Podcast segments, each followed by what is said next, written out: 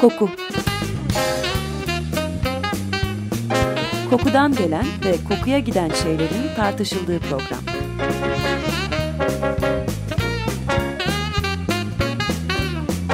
Hazırlayan ve sunan Vedat Ozan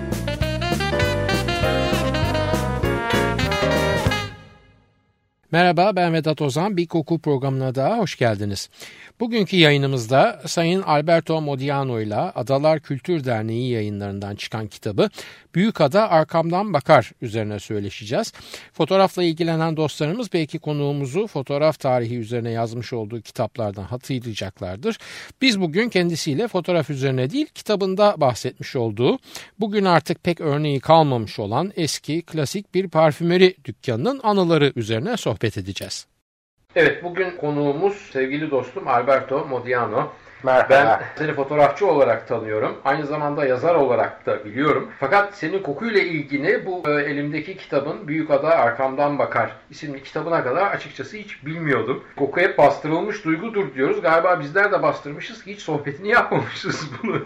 E şimdi de buna bir fırsat Şimdi- oldu. Evet doğru söylüyorsun. Şimdi de buna bir fırsat oldu. Senin Büyük Adada uzunca bir dönem yaşamış olduğun bir parfümeri, ada parfümeri deneyimin var. Onun üzerine zaten kitabın da büyük bölümünü buna ayırmışsın. Çok da hoş bir anlatımla. Yani böyle o günleri bilen bir insanı artık göremediği bir şeyin farkına vardıran bir şekilde hoş bir gülümsemeyle bazen de insanın içi acıyaraktan, yanaraktan okutuyorsun. Bu ada parfümeriye başlayalım. İki dönemi var ada parfümerinin. Doğru, iki dönemde? dönemi var. Amcanla başlıyor. Biraz bahseder misin? Evet, amcam 1940'lı yıllarda Ortağı Nizamettin İmre ile bu dükkanı açmış. Büyükada 23 Cad- Nisan Caddesi'nin 37 numaralı kapı numarasında açmış. Orada parfümeriyi işletmiş. Bir süre sonra Nizamettin İmre ortaklıktan ayrılmış ve kendisi tek başına götürüyor. Ben 70'li yıllarda orta ve liseyi okuyordum. Yet- 75'te bir elektrikçinin yanında çalıştım yaz tatilinde. 76'da da yani yaz tatili tamam denize giriyorsun güzel filan ama yetmiyor yani yine bir meşgale lazım. Annemin bana ricasıyla gittik büyük amcaya, Vitay Hayimpardo'ya, diğer adıyla, namı değer adıyla Kloklo amcaya. Kloklo amca çok geçiyor Ki kitabında. yeğeninin ona vermiş olduğu bir isimdir Kloklo. Albert burada geçirmek istiyor yaz tatilini filan. E buyur desin dedi filan. 76 yılında ben orada dükkanda böyle yaz tatilini hoş bir şekilde geçirdim. Kloklo amca e, kışları işte Ekim ayında filan dükkanı kapadıktan sonra bir iki aylığına İsviçre'de yeğenlerin yanına giderdi. Giderken de bizde kalırdı. İşte o papyonlu, föç şapkalı elbiseyle gelirdi filan. Ve bol bol e, İsviçre'den işte Chanel'lerden tut Christian Dior'lara kadar kokular getirdik. Türkiye'de işte döviz darboğazı ile filan. Tabii o zaman resmi bir ithalat yok. Sadece bavulla geliyor. Bavulla Evet. geliyordu. Aynen aa, bunun en belirgin kanıtıydı filan. Geldiğinde böyle bu parfümleri büyük bir keyifle gösterirdi. Sonra 77 yılında ben liseden mezun olduğum sıralarda Klokro maalesef beyin tümörüyle hastaneye kaldırıldı ve o dükkanı işletmek artık ben ve abime düşmüştü. Büyük bir çoğunlukla bana düşmüştü. Büyük bir riskti ama biraz da deneyim vardı. Dedim ben bunu deneyeceğim, bu dükkanı götüreceğim dedim ve 77 yılını zararıyla, sevabıyla, iyisiyle, kötüsüyle tek başıma götürdüm.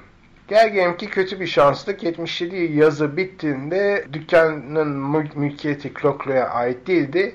Yeni mal sahibi aldı ve bizi çıkartmıştı. Ben de üniversite sınavlarından başarısız olmuştum. Fakat bu meslek beni sardı. Ve tam yaz bittiğinde Kloklo aramızdan ayrıldı. Yeğenleri olan mirasçıları dedi işte istiyorsanız biz bu dükkanda kalan sermayeyi çocuklara hediye ediyoruz. İstediklerini yapsınlar.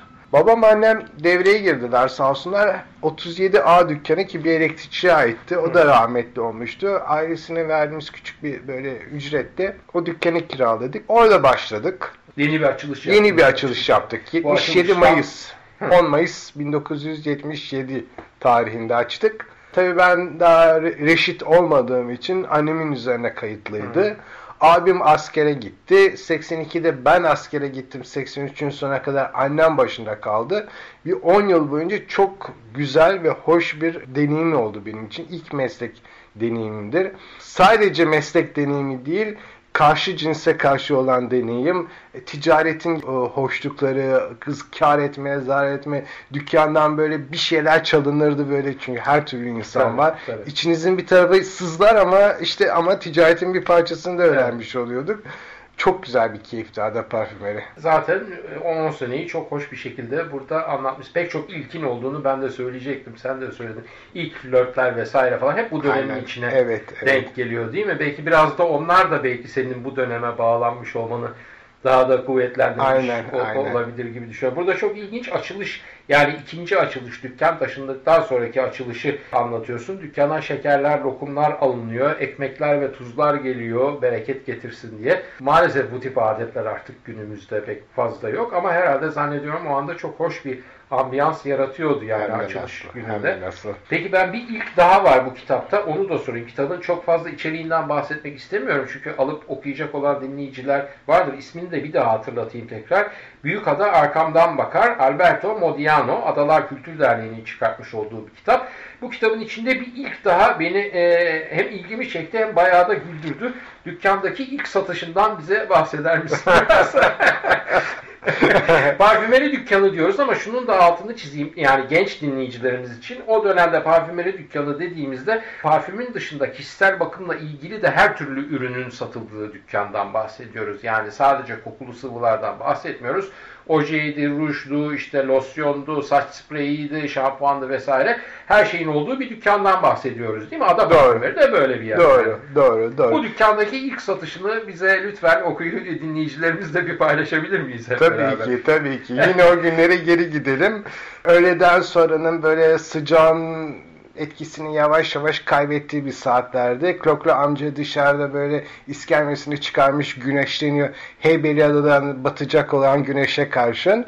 Ve işte bir müşteri yine e, Yasso Mösyö Vitali deyip böyle geliyor. Saç spreyi alacaktım Queensnet. Tamam dedim Vitali amca merak etme ben bakarım müşteriye falan. Girdim içeriye Queensnet saç spreyi. Tamam sprey çok güzel işte sprey. Ama bilmiyorsun tabii o ana Tabii kadar. o ana kadar spreyin ne olduğunu bilmiyor. Sadece spreyin bir tüp olduğu sadece gözümün önünde.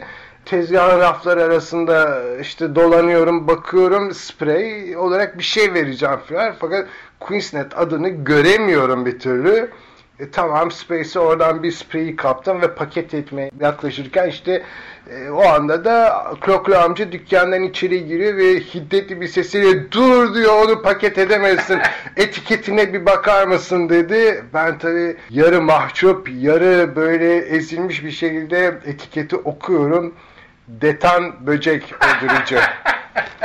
o telaşın içinde herhalde spreyi görünce çünkü aslında Queensland eğer yanlış hatırlamıyorsam sarı da bir onun şeyi vardı değil mi? Etiketi Böyle- böyle vardı. sarı, Sarının üzerinde kırmızı bir bayan e, amblemi vardı. Amblemi vardı. İyi yani kimseye o zaman detam vermedi. 3 sene öncesinden bahsediyoruz ve şimdi bugün için inanması zor gibi gelecek ama haftanın belki sadece belli günleri yayın yapan ve sadece siyah beyaz yayın yapan bir televizyon kanalı var. TRT televizyonu var. Bu televizyonda da bazen böyle bir takım ürünlerin reklamları çıkıyor. Senin bunlarla da ilgili ilginç bir Reklam caizse kolaj çalışman var. Keşke- ki ben ona reklamcılık deneyimi de Evet, olarak kesin, e, kesin, diyorum. E, İşte orada küçük bir teybim vardı. İşte bazen müzik çalardı. Bazen de özel doldurulmuş kaset bandım çalıyordu orada. O da neydi? İşte bir kış boyunca o yıllarda çok revaçta olan Adora sabun, işte Kütex e, tırnak cilası, e, Blendak şampuanı gibi reklamların siyah beyaz televizyondaki repliklerini, müziklerini bir banda doldurdum. Yani mikrofonu dayayıp kaydediyordun. Aynen uzaktan. öyle. Aynen öyle. Uzaktan da kaydediyordum ve ondan sonra yaz mevsimi boyunca günde bir iki kez dönerdi oradan. Amaç neydi? Müşteri geldi, şampuan için geldi ama orada işte bir ses benim ve bir kokunun da adı geçtiği anda hadi ya ben bunu da alacaktım deyip oradan biraz daha da tranquilo. bir günde müzik arasını Alberto Modiano'nun reklam e, kasetiyle böyle bir 3-4 dakika e, diye güzel olur, çok güzel olur. Çok evet, olur. evet, Çoğu evet. zaten o markaların artık yaşamıyor değil mi? Adora Madora falan bu sabunlar Yok, falan. hayır, hayır. Blendax'la tarihe karıştı. Evet. O güzel mavi şişesiyle. Mavi şişesi, Kurtuluş'taki e, Pinto kardeşlerin fabrikasında imal ediliyordu. Şimdi bu ilk e, başta dükkan konusuna biz daha girmeden bahsetmiştin. Amcan bazen İsviçre'den geliyor ve bavul içinde işte dışarıdan aldığı kokular çıkıyor. Zaten kokunun başka türlü Onların gelmesinde özel müşterileri var. özel müşterileri var değil mi? Yani o kokuyu alabilmek bile bir ayrıcalık oluyor. Tezgah altından veriliyor gibi. Nelerdi daha çok? Neler sorulurdu? Ya daha doğrusu ne varsa o gidiyordu tabii. Ne geliyorsa o gidiyordu. Bir numarada e, istenen e, Christian Dior ve onun da işte kendi içinde tabii kokulu var. Diorissimo, Miss Dior gibi işte böyle genç kız kokuları falan. Chanel numara 5 e, beyaz ambalajıyla en çok tercih edilen istenen kokulardandı. Bir dönem boyunca böyle belki minimum 6 en çok bir düzineye kadar istenen bir dönemin kokusu vardı. Tetfil Lapidus. O da çok tercih edilen kokulardan biriydi. Getirilen kokuların başındaydı.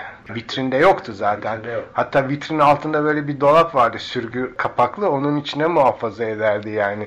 Çünkü şey yani Allah göstersin kaçakçılığa kadar gidebilecek bir şeydi Tabii, yani. tabii. E, öyle Döviz ama- dar boğazının olduğu bir yer bir Doğru. zamandı yani. Nasıl deniyordu peki müşteri geldiğinde parfümü nasıl denerdi? Kokunun nasıl farkına varırdı? Nasıl Şeydi e, yani bunu e, Kroklu amca bana özellikle öğretmişti. Bilek damarları ve kulak arkası. En çok böyle sürülmesi gereken e, yerlerdi. Çünkü e, damarların en çok geçti ve kokunun en çok iyi hissedilecek olan yerlerdi.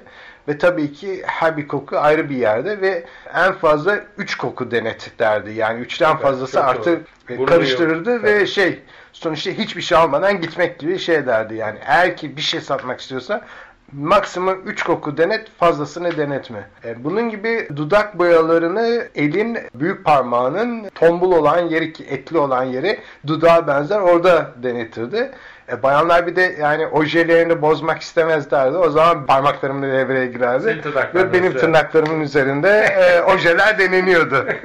Bahsettiğin markalar işte ne bileyim ben Chanel olsun vesaire. Kitabında e, bir dönemin o çok revaçta olan Charles'ini de görüyorum ki herhalde o da Evet. böyle bir kuryeydi. Bunun dışında yerlilerden bir şey var mıydı? Önce erkeklerin biraz falan. hatırını yapayım. Evet, Çünkü tabii. erkeklerden Tabii. çok her şey önce şu e, ada diskolarında doğum günleri kutlanırdı Evet. ve tabii ki işte Büyük özellikle sosyal olay tabii. büyük bir sosyal olay. Özellikle genç kızlar işte erkek arkadaşlar neler alacak? Ada parfümerinden bir parfüm almak. E, ritüel gibi bir şey olmuştu ve genelde işte o bayanlara Pinot Silvestre, Brut, Hmm. Old Spice gibi erkek kokularının popüler olan, en revaçta olan bunları almalarını tavsiye ediyorduk. Ee, erkek kokuları en çok giderli. Ha biraz daha da ucuzları falan varsa mesela Aqua Velva Ice Blue vardı Evet, böyle evet, işte evet. buz mavisi renginde Evet. güzel bir Aftershave. keyfi. Aftershave. Aftershave olarak. Tabi bunlar rakamcana da daha da ucuz olan Tabii, parfümlerdi. Genç kızlar için oldu mu o zaman işte Yardley'ler falan onlar çok tavsiye edilen ve verilen e, kokulardandı. Madigan'dan da bahsetmişsin. Artık çıkmıyor mesela. O Evet, da evet. yerli olarak ilk aftershave'lerden bir tanesiydi. Ama aftershave tabii çok kısa bir dönem kaldı. Belki de kötü olmamış olabilir kısa dönem kalmış olması. Çünkü biraz da yüzü yakardı ya o aftershave. Çok alkol değil miydi tıraştan sonra? Ama yani bir Kapanırdık yani kokusu için. Aynen öyle, Şapşık aynen sürerdik. öyle. O ilk anda böyle hoş bir güven duygusu falan. Bunun dışında e, şunu da ben sana sormak istiyorum. Bu e, Alman papatyası falan diyorsun e, saç rengini açmak için. Tabii o zaman bugünkü kadar çok fazla saç boyası çeşidi de yok. Daha kısıtlı çeşitler Üç var. marka saç boyası var. Öyle mi? Mesela? Coleston, Igora Royal, e, üçüncüyü de hatırlayamayacağım şu anda ama bir de onların yokluğunun olduğu dönemlerde 70'li yıllar. Boyalara ulaşılamadığı zaman veya farklı bir şey denenmek istediği zaman direkt Alman papatyası. na- nasıl satıyordunuz Alman Po- papatyasını? po- bir poşet içinde geliyordu. Kurutulmuş bir papatyaydı bu. Bunun çay gibi suyu çıkartılıyordu. Demi çıkartılıyordu. Ondan sonra e, yıkandıktan sonra saça sürülüyordu ve e, hava zaten sıcak. Güneşte kurumasıydı. Güneşte kururken saçta rengini açıyordu. Erkekler bile deniyorlardı. Deniyorlardı değil mi? Evet. Hatta bir tek saç değil ne bileyim ben kollarına falan hanımlar Tabii, tüyleri tabii ki, saratsın tabii, falan tüyleri diye bir dönem çok kullanılan bir şeydi. O zaman peridrol falan da çok şey olmadığı için sürekli kullanımında hafif bir sararma da getiriyordu, Getiriyordu, yani. Evet, Buna ben de evet. şahit oldum. Parfümlerden bahsettik, bu ürünlerden bahsettik. Bir de bizim Türkiye'nin tarihinde en geniş yer bulmuş olan ama e, bizden başka da pek kimse de bu kadar önem verilmemiş olan kolonya olayı var. Tabi herhalde kolonya da çok satılırdı o dönemde değil mi? Şimdi Bir kolonya olmayan bir sürü ev var ama o zaman kolonya olmayan ev yoktu belki değil mi? Gittiğiniz zaman direkt kolonya ikram edilirdi. Neler vardı kolonya olarak sizde? Şişe halinde satılan tabii ki o dönemin en revaçta olan Perejası. Daha Pereja sonra ismini de bir açıklarsa. Tabii ki yabancı seri e, ortak. Perla, Rejin ve Jack isimli üç e, Musevi İlk e, heceler bir araya geliyor bir ve Pereja birleşerek Pereja'yı ortaya çıkarıyorlar. Onun yanı sıra daha sonraları en son dükkanda sattığımız e, marka bugün halen devam ettirmiş olan Selin'di. Hmm. Eczacıbaşı'nın. Eczacıbaşı'nın. Hmm. Ama dükkanı kapadığımız sıralarda Selin de bizim dükkanımıza girmişti. Fakat en çok sattığımız e, kolonya Fredo'ydu. Yeni Pinkar, hmm. Pinto kardeşlerinin imal ettiği. Onlar şişe halinde de cam ve plastik şişelerde de satılırdı. Fakat en çok sürümü olan ki bugün artık o kültürü unuttuk. Biz kolonyayı beşlik, onluk veya yirmilik bidonlar halinde alırdık. Dökme. Limon, lavanta ve fujar kolonyaları. Dükkanımızda 3 tane bidon, cam bidon vardı ve bu cam bidon üzerinde pompalı litre sayacı vardı. Sayaç 250 miligrama endeksliydi. İşte atıyorum şişe eğer 1 litrelikse 4 kere o 250 mililitre dolar ondan sonra oradan şişeye boşaltılır ve ona göre bir hesaplama yapılırdı. Mesela 250 değil de 300 gramsa işte 1 litrenin 300 gramı şeklindeydi. Tabii ki bugün kullan at var yani şişe alıyorsunuz bitiyor ondan sonra atıyorsunuz ama o dönemin insanları o plastik veya cam şişeyi muhafaza ediyorlardı. Yani evet e, şişe bittikten sonra çöpe atılmıyordu. Bir daha geliniyordu, bir daha dolduruluyordu, dolduruluyordu, dolduruluyordu. Yani limon, lavanta klasiktir ama fujar benim için ayrı bir tadıydı. Çünkü bana göre hani fujar bir yerde adanın kokusu gibiydi. Hmm. Ee, adanın da kendine has bir kokusu vardır tabii. Aynen öyle, aynen Ağaçlar, öyle. Işte, aynen öyle. vesaire çok hoş bir kokusu Sanki var. onlardan meydana gelmiş bir karışım gibiydi. Bir de bunun yanı sıra amcanın başta yine o bavul ticaretiyle getirdi ama daha sonra daha rahat gelen 4711 satardık. Meşhur. Meşhur. Polonya'nın bir adı başlangıcı diyebileceğimiz. Bravo, sen daha iyi biliyorsun şey, tabii zaten ki. 4711 estağfurullah ikisi çok önemli kolonyalar. Ama onlar herhalde görece daha pahalıydı değil mi? Bizim tabii ki, tabii göre? ki. Tabii. Onun tabii özel müşterisi vardı 4711'in tabii ki. E, Alberto bu kitabının şimdi kapağına bakıyorum. Elle çizilmiş bir grafik çizim var. Kayda başlamadan önce sen anlatmıştın. Kloklo amcanın bir fotoğrafından sana benzetilerek yapılmış bir çizim bu. Çok hoş böyle mavili yeşilli tam bir ada tonu var. Bir de solda küçük bir şişe var. Bu parfüm şişesine benzettim ben bunu. Bu nedir? Bu 4711'in Kolonya'nın, kolonyasının e, bir vitrin dekoru benzetmesi. Bu ada parfümerinden kalan tabelanın yanındaki ikinci hatıradır. Bir tabela durur bir de bu durur. Evimin salonunda böyle müze gibi saklarım.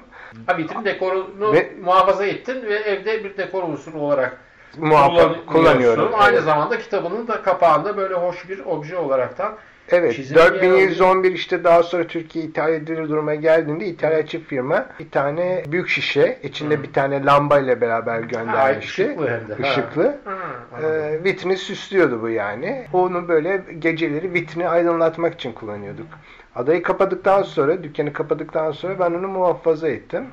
Kitap da gündeme gelince benden fotoğrafını istediler ve böyle bir yerine yerleştirmiş oldu. Aynı dönemlerde televizyonları seyrettik. İlk ergenlik dönemlerinin sonlarına doğru böyle bir gizliden gizliden erotik mesaj gönderen bir müjdarın kolonya reklamı vardı. Fuar, Fuar kolonyası. Suyun içinden çıkar böyle sallanarak ağır çekimde koşar vesaire. O da yani e, kolonyayı fark etmemi sağlamıştı falan diyebilirim. Etkisi olmuş muydu satışlara? Çok. Ki o fuarın bir devamı olarak bir teknenin üzerinde saçları e, o rüzgarda böyle dalgalanarak e, gidişi vardı ki birçok erkeği ve erkekmişti yani bir kere kolonya erkeğe sevdirten reklamdı. Onu soracaktım şimdi ya. O reklam erkeğe mi kolonya aldırtmaya başladı acaba diye onu soracaktım. Aynen aslında. aynen o. Bu bahsettiğim pompalı doldurma aygıtlarını tabii artık günümüzde çok fazla görmüyoruz. Belki imal bile edilmiyordur. Demin bir sohbete başlamadan önce e, kendi aramızda konuşurken Kadıköy'de bir dükkanda bunlardan var diye konuşmuştuk çarşının içinde. Yakın zamana kadar eczanelerde de vardı. Sırf parfümerilerde değil, eczanelerde Eczane, de kolonya dolumu evet. yapılırdı değil mi? Elde şişeyi götürürdün. Orada doldururdu. Benim de en çok hoşuma giden o şişe dayanıp da o pompa sıkılı fış diye içine dolduğu zaman ki çok büyük keyif alırdım yani. Kesinlikle, O kesinlikle. şeyden. Bir de bazıları karıştırtırdı benim hatırladığım. Yani limonla lavantayı üçte birini lavanta koy derdi. Aslında bir anlamda kendine göre bir parfüm yapıyor falan gibi bir şey. Hatta hatta fujer, limon ve lavantanın dışında amcanın da öğretmiş olduğu ki daha sonra bulamadık e, alüminyum şişelerin içinde ve mantarla tıkatılmış olan parfümler vardı. Farklı parfümler vardı. Biz cam şırıngaların ucundaki uzun metal e, iğneyle o parfümden, pahalı parfümden böyle Evet. bir iki damla alıp üzerine de ilave ederdik. Hani bir koku zenginliği olsun Zengin şeklinde. olmuş. Kapakları mantar, üzerinde renkli etiketler var vesaire. Çok hoş. Tabii bugün için bunlar artık şey geliyor. Ya o zaman eczanelerin içinde ilaç yapıldığı zamanlar diyeyim. Belki daha iyi gözlerinde canlandırabilir dinleyenlerimiz. Kolonya'da böyle doldurma yapılırdı. E, kolonyanın dışında bahsettik kolonyanın içinde böyle lavanta kolonyası ama lavantanın da ayrı bir önemi vardı değil mi o dönem içinde? Yani hem çamaşırları, eşyaları, işte ne bileyim çarşafını, yorganını hukumu hem de lavanta kolonyasının ayrı bir önemi vardı. Sen de kitabının içinde bahsediyorsun. Ben de gayet net Beyoğlu'ndaki o esmer vatandaşımızı hatırlıyorum. Hatta Vakko'nun biraz berisinde yerde Evet, oturur. evet. Kucağında lavantalarla lavanda lavanda diye bağırırdı böyle ve e, satardı. Lavanta kolonyası da satıyordunuz herhalde. Tabii Çok ki. fazla. Daha çok hanımların tercih ettiği bir şey olduğunu düşünüyorum. Doğru, doğru. bilemiyorum. Erkekler daha çok limon alırdı. Hatta hatta e, yine dükkanın son dönemlerinde biz kristal halinde mentol satıyorduk. Kitapta bahsettiğimi bilmiyorum ama işte Yok, şimdi aklıma geldi. O da şunun içinde mentolün yakıcı özellikleri vardı. Limon kolonyasını aldıktan sonra o limonun içine biraz mentol atıyordu. Tıraştan sonra daha çok yaksın diye. Bir yakılmasını sevenler de vardı. Aslında biraz insanı kendine getiriyor tabii yani o yanma ama cilt içinde kadar ki tabii onu bilemiyorum. Çok da emin değilim. Old Spice'tan demin bahsetmiştik. Brut, Pinot Silvestre ve Old Spice. Old Spice'ın son hali maalesef senin hatırladığın halde değil bilmiyorum. Kesinlikle değil. Son zamanlarda Kesinlikle. gördüm. O üzerinde böyle meşhur bir o işte eski baharat taşıyan bir Amerikan kalyonu resmi vardı. Şimdi o resim kalktı yerine bir yat resmi geldi Maalesef. modern zamanlara Maalesef. Evet. Kokusu da hafif değişti. Peki Ada Parfümeri de sonra ne oldu? Bir 10 senen geçti senin Evet. orada. 1980 yılında yine 12 Eylül ihtilalini Ada Parfümeri'nin açık olduğu dönemlerde geçirmiştik. Adada olmam biraz bir yerde şanslı çünkü İstanbul'daki gibi o ihtilali göremedik. Yani böyle farklıydı. Hatta 12 Eylül günü işte yan komşunun evine çok rahat bir şekilde gidebiliyorduk. Tabii 12 Eylül ihtilalini bahsetmeyeceğiz burada konumuz koku çünkü fakat 12 Eylül'den sonra adanın çehresi ve gelenleri değişmeye başladı. Yani adayı seven ve adaya duyarlı olan insanların artık yavaş yavaş kaybolduğu dönemdi. Ee, Adada ticaret yapmak zorlaşıyordu. Tehditten başlamak üzere bir sürü sevimsiz olaylar yaşadık. Bu 86 ve 87 yıllarında kendini bayağı bir ciddi bir şekilde gösterdi. Çünkü artık ben sadece parfümeri değil yavaş yavaş muhasebecilik mesleğine de başlamıştım ve haftanın 3 günü İstanbul'da, 2 günü Ada Parfümeri'de çalışıyordum. İstanbul'da olduğum dönemlerde annem babam dükkana bakıyorlardı ve bu işin artık tadının gittiğini, keyfinin kaçtığını, e, parfümerinin artık yer etmeyeceğini ve işte o dönemlerde yavaş yavaş da parfümerin artık market işine dönüşeceğini hissettiğimiz günlerdi. Ve 87 yılının Eylül'ünde Ada Parfümeri tarihe gömdük, kapadık. Ama anlıyorum ki e, kitabından sen hala içinde biraz bu ada parfümeriyi yaşatıyor gibisin. Valla 87'den sonra ada benim için ölmüştü. Yani gitmiyordum ben adaya. Adanın adını bilmek istemiyordum. Bu kitabı yazmak da aslında bir yerde işte tarihin bir cilvesi, yaşamın bir cilvesi. Çünkü ben 2005 yılında fotoğraf yazarlığı yerine edebiyata yöneldim. Kitap yazmanın ilk hedefi olarak Büyükada'yı yazmaktı ama artık arkamdan bakan bir Büyükada vardı. Kim bakıyor acaba? Ben mi Büyükada mı?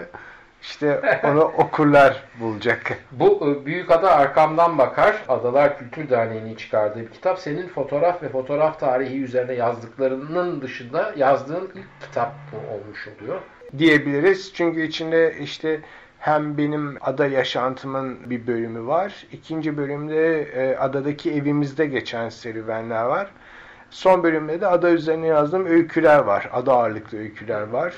Fakat bu öyküler bir yerde adamın yaşamının gerçek yüzünü de anlatıyor. İşte bir faytoncu hikayesinden tutun bir Evet, evet, evet. hikayesine kadar onları özetliyor. Okuyanların böyle 30-40 yıl öncesinde ne getirebilecek hoş tatları var. Kesinlikle beni götürdüğünü söyleyebilirim yani çünkü hem seni tanıyor olmamdan kaynaklanan bir e, sıcaklıkla okudum bu kitabı. Hem de o dönemde tarif etmiş olduğum parfümeri dükkanları artık yok yani. Artık her şeyi market direkt bir e, müşteriyle temas kalmadı gibi veya kalsa bile e, o artık hizmeti sunanlar bu işe çok fazla vakıf olan insanlar değiller.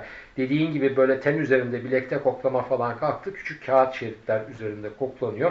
Maalesef kağıt şeritteki kokuyla e, tendeki koku da birbirini tutmuyor. Kesinlikle. E, onun için de kağıt şeritte güzel kokan kokular hazırlıyor artık firmalar. Onları da tenin üzerine sürdüğünüzde ya o konseptin gazına gelip de kabul ediyoruz kokuyu ya da alıyoruz ama sonra beğenmiyor gibi oluyoruz. E, Alberto çok teşekkür ediyorum sana e, katıldığın için. Bize değişik bir koku verdin diyebilirim programımızda. Teşekkür ediyorum. Ben teşekkür ediyorum. Bu e, kitabın Büyük Ada Arkamdan Bakar kitabına ulaşmak isteyen dinleyicilerimiz nerede bulabilirler bu kitabı? Ee, özellikle Büyükada'daki Kültür Sanat Derneği'nden e, alı, tedarik edebilir. Artık kitapçılarda da satılıyor. Kitapçılarda satılıyor. İnternet üzerinden ulaşma imkanı var mı? E, tabii Adalar Kültür Sanat Derneği'nin e, sitesinden de ulaşılabiliyor. Peki çok teşekkür Ben ediyorum. teşekkür Görüşmek üzere ediyorum. diyorum. Alberto Modiano'ya bu söyleşi için tekrar teşekkür ediyorum ve ilgilenenleriniz olabilir diye kitabının ismini bir kez daha hatırlatıyorum. Büyük Ada Arkamdan Bakar. Efendim haftaya bir başka kokuda buluşmak üzere soru, öneri ve eleştirileriniz için e-posta adresimizi veriyorum. kokuprogrami.yahoo.com Programlarımızda adı geçen konulara ilişkin görselleri yayınlardan sonra her zaman olduğu gibi facebook.com Taksim Vedat Ozan Koku adresinde de görebilir. Yorum ve sorularınızı oraya da yazabilirsiniz. Ben Vedat Ozan, radyonuz kokusuz kalmasın sevgilerimle.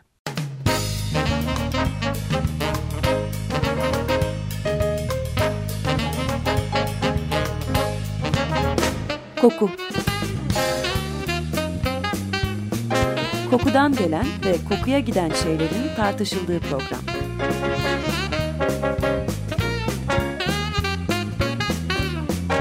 Hazırlayan ve sunan Vedat Ozan